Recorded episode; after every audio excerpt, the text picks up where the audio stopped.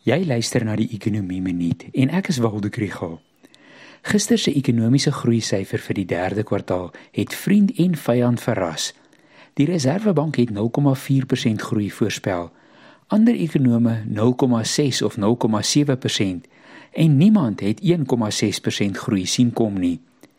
As jy nie gereeld na die minuut luister nie, is jou eerste vraag dalk: hoekom maak dit saak? Dit is waar dat die tweede kwartaal agter die rug is. En as jou besigheid of jou werkgewer goed gevaar het, dan weet jy dit al klaar. Tog weet ons nou dat meeste sektore goed gevaar het en dit is goed vir sakevertroue. Ekonomiese groei beteken ook meer belastinginkomste vir die staat en dit help om die begroting te laat klop.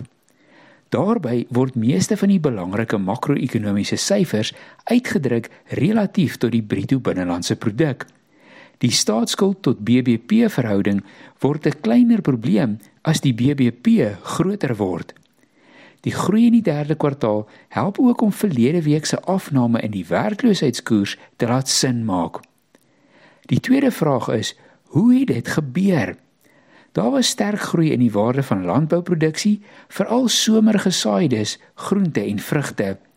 Daar was ook sterk groei in vervoer en kommunikasie, mynbou, finansies en vervaardiging. In die vervaardigingssektor is dit veral voertuigproduksie wat sterk gegroei het. Van die bestedingskant af beskou, is die groei gedryf deur uitvoer. Daar was selfs 'n klein bietjie investering. Besteding deur huishoudings het egter gekrimp in die 3de kwartaal. Ons weet dat huishoudings gaan gebuk onder hoë inflasie en rentekoerse. Gaan die ekonomie die jaar ook so sterk kan eindig? Die maandelikse aanwysers wat al beskikbaar is, laat mense hoop dat die ekonomie ook in die 4de kwartaal 'n bietjie gaan groei.